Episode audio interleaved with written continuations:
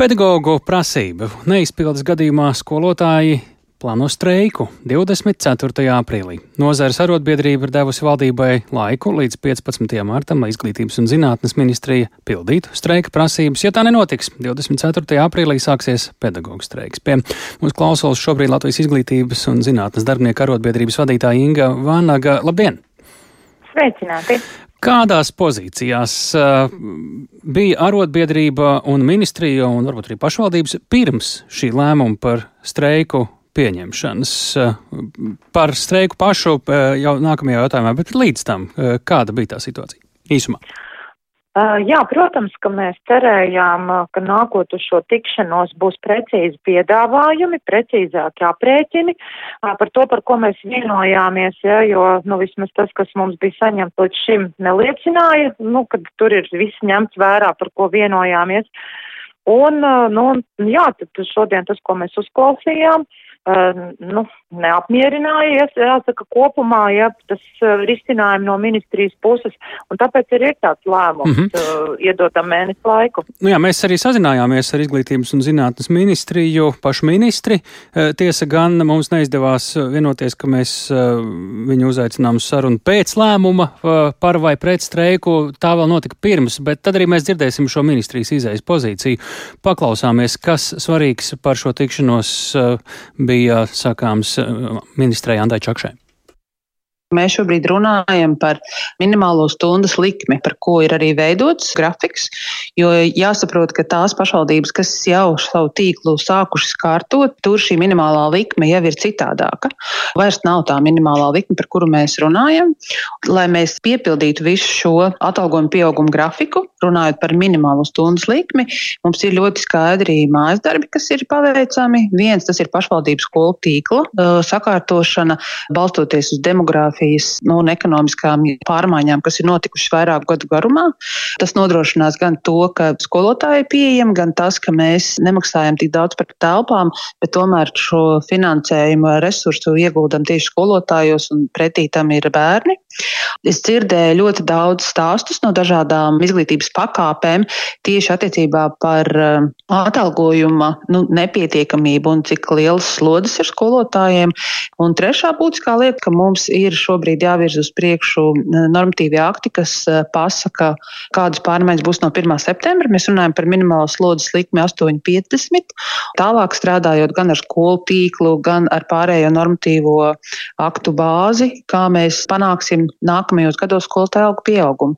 Tad jūs pieturaties pie līdzinājās pozīcijas, vispirms pārmaiņas skolu tīkla reformas, un tikai tad var runāt par atalgojumu, vai arī jūs redzat, ka arotbiedrības prasības attiecībā uz atsaistīšanu šo skolu tīkla optimizāciju no atalgojuma pieauguma varētu tur kaut kā piekāpties, lai septembrī tas atalgojums būtu lielāks? Šis spiediens par skolu tīklu sakārtošanu, par pašvaldību skolu tīklu sakārtošanu nav uz arotbiedrību. Ir skaidrs, ka arotbiedrības uzdevums ir runāt par atalgojumu. Tas, par ko mēs runājam, ir jau no šī gada 1. janvāra skolotāju algām ir iedoti 100 miljoni, kas vienlaikus nav motivējis, man jāsaka, pašvaldības kaut ko savā pusē vairāk darīt. Un šobrīd strādājot ar pašvaldību savienību darba grupā pie kritērijiem, kas jau ir skaidri redzami no OECD puses, kas nodrošina efektīvu skolas esamību, kā ātrāk virzīties tieši pašvaldību pusē, no izglītības ministrijas puses ar uh, atbalstu un uh, sapratni, kas būtu vajadzīgs papildus vēl. Nu, mums tur jārunā par mobilitāti, gan bērniem, gan skolotājiem, fondu atbalstu, teiksim, jaunu klašu iekārtošanai par digitāliem rīkiem un citām lietām. Bet vienlaikus ir jāsaprot, ka tie ir divi paralēli procesi. Tad pirmā sadaļa naudas jau ir ienākusi sistēmā, un ir ļoti svarīgi, ka arī pašvaldības skolu tīkls tiek kārtots. Ja mēs runājam par 1. septembri, tad tas nav tik tiešā veidā saistīts uzreiz ar lielām pārmaiņām skolu tīklā. Mēs jau redzam, kur sistēmiski šis finansējums varētu būt, lai palielinātu šo minimālo stundas likmi līdz 8,50, bet nākamie gadi prasa būtisku tīkla pārmaiņas, tieši skatoties demogrāfijas un ekonomikas izmaiņās, kas ir bijušas Latvijā. Tad no šī var saprast, ka neatkarīgi no tā, cik tālu būs skolu tīkla optimizācija, tas atalgojums pedagogiem varētu pieaugt un streika varētu nebūt? Ja mēs runājam par minimālo likmi 8,50, tad jā, nu, par streiku izlems noteikti, arotbiedrība, bet es aicinātu būt mums visiem vienā pusē, jo mēs runājam par skolotāju algu pieaugumu. Ja mērķis mums ir viens, tad finanšu avoti droši vien mūsu galvās atšķiras, bet es neredzu, kā līdz tam nonākt caur streiku. Tā izglītības un zinātnes ministra Anda Čākša pie mūsu klausulas joprojām Inga Vanaga, izglītības un zinātnes darbinieka arotbiedrības vadītāja. Vai jūs īsumā varētu iztulkot, ko ministra nu pat pateica jūsu mm. skatījumā? Uh, jā, tātad es gribētu teikt, ka tie miljoni, kas ir iedot no janvāra, tas ir zināmā mērā uh, parāda atdošana par neapmaksātajiem pienākumiem un nesabalansēto slodzi, un tam nav nekāda sakara ar darba samaksas paaugstināšanas grafiku no septembra. Tie ir tie 8,5 par stundu. Uh, tad, ja, tur nav šajā naudā, kas ir iedot no janvāra, tur nav tam paredzēts finansējums, ja, un tas ir arī šodien mēs ministrijas ierēģiem un arī ministras birojam to skaidrojām, ja, un tas, ko nozīmē, ja šīs minimālās stundas likmes paaugstināšana, par ko ministre runā.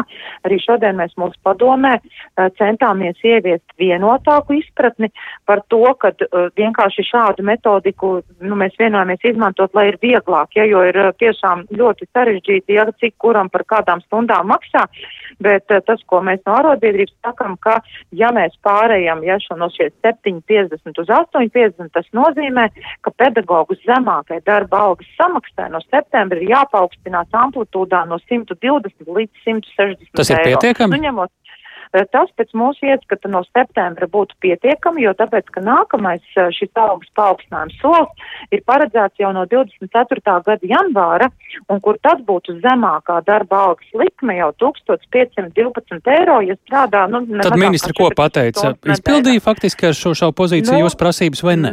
Nē, nē, tāpēc, ka nav neviens eiro paredzēts uh, budžetā, nav iesniegtajā, ja, un tas, kāpēc ir uh, šī atkal lēmums, ja, par protestu akciju un tā skaitā, ja šī streika procedūras atsākšana, tāpēc, ka valdībai otrdien bija jau jānobalso pagājušajā nedēļa par grafiku, tas netika izdarīts, nauda ir 0 eiro budžeta. Tad ministra runāja par skaitļiem, kuru nav budžeta projektā.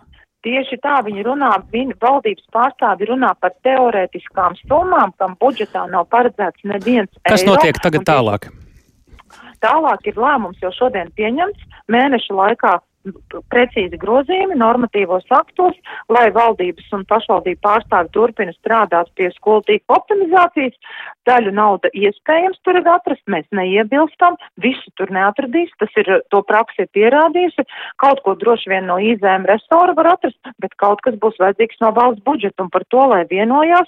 Un ja gadījumā mēneša laikā mēs neredzēsim šos grozījumus pieņemtos ar precīziem aprēķiniem, tad atsākam streika procedūru, jo mums ir ir svarīgi vienreiz par visām reizēm pielikt punktu tam, ka vairāk kā 20 gadus dienas kārtībā ir jautājums par pedagoģu algām, par pedagoģu slodzēm, Jā, un nu jau mēs esam pieci liku normatīvi akti jau netiek pildīti. Cik liela vienprātība bija šobrīd eh, arotbiedrības eh, padomē par streiku un cik plašs vai ilgs tas streiks tad varētu būt īsumā? Ir, ir paredzēts arī gājiens uh, nozares organizācija un līdz balsojums bija vienbalsīgs, un visas nozares organizācijas, mūsu sadarbības partneri, kuri šodien šeit piedalījās, deviņas organizācijas, visas pauda atbalstu. Tā kā līdz nav viena šajās prasībās, vienošanās būs jāpilda, normatīvi akti būs jāpilda, un ja mēnešu laikā neizdarīs, tad gājiens protesta gājiens un streika uzsākšana vienā dienā, 24. aprīlī. Vienas dienas streiks ar gājienu, tā tas varētu būt. Ja? Nē, vienas dienas nē, mēs uzsākam vienā dienā, piesakam sevi ar ļoti plašu gājienu un uzsākam streiku tieši tajā pašā datumā un par tālāko tad redzēsim, kā reaģēs un tad padomu tālāk lems, bet uh, uzsākam jā šo streika procedūru atjaunojam un uh, mēs uh, nu, tiešām iesim līdz galam, lai beidzot Latvijā pārtraukto šis tiesiskais nihilisms un vienošanās visa būs jāpilda. Paldies par sarunu. Tā Latvijas izglītības un zinātnes darbinieku arotbiedrības vadītāja Inga Vanaga.